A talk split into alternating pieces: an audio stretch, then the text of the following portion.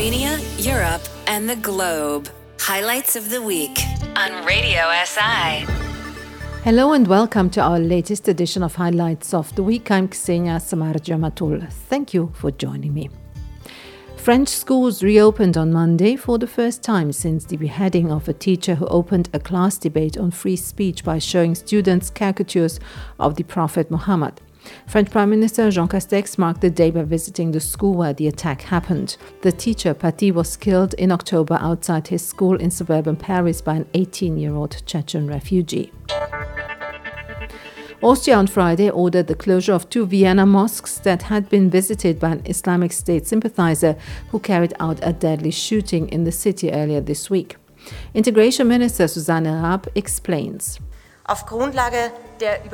Based on the information received from the Interior Ministry and especially because of the radicalization of the attacker in this mosque, this mosque must be closed immediately in the interest of order and public safety. Four people were killed in Monday's attack and the gunman also died.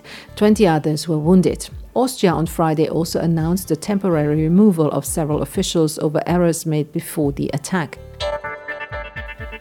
And from Austria to Poland, Poland's right wing government has delayed the implementation of a controversial court ruling that would outlaw almost all abortion after it prompted the largest protest since the fall of communism. The decision by the country's constitutional tribunal promised to further tighten Poland's abortion laws, which were already some of the strictest in Europe. The tribunal ruled that termination should be illegal even in cases where a fetus is diagnosed with a serious and irreversible birth defect. And now to something more positive. Slovenia's Tim Gajser won the penultimate race of the MXGP class of the Motocross World Championship season to secure the title of the world champion. Gajser, of course, was extremely happy. This is the third title for the 24 year old motocross racer after the 2016 and 2019 seasons. The Slovenian government has extended a ban on gatherings of more than six people and movement between municipalities for another week.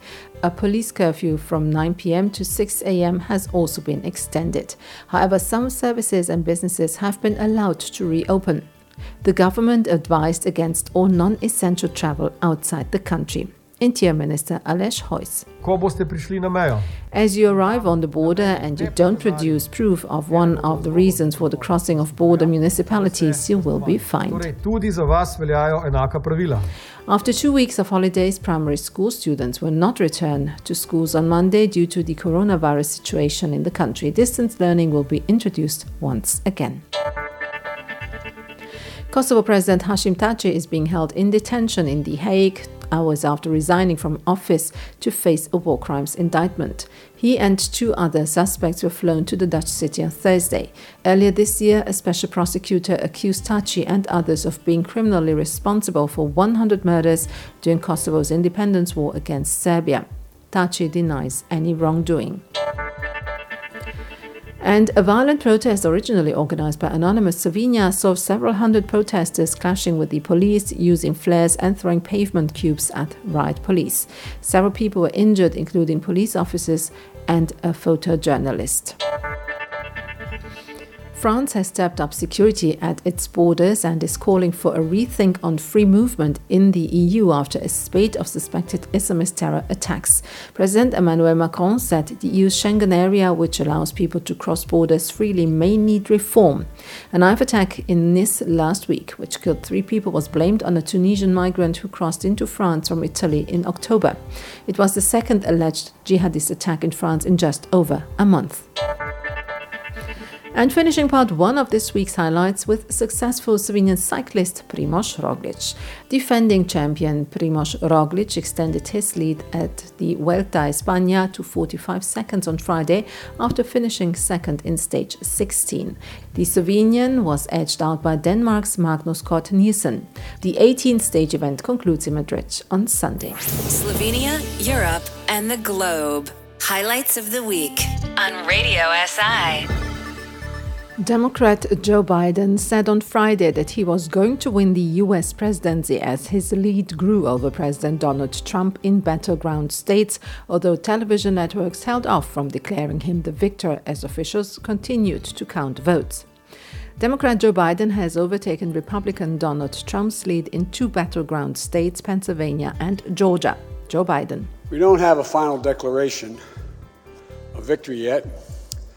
But the numbers tell us it's clear, tell us a clear and convincing story. We're going to win this race.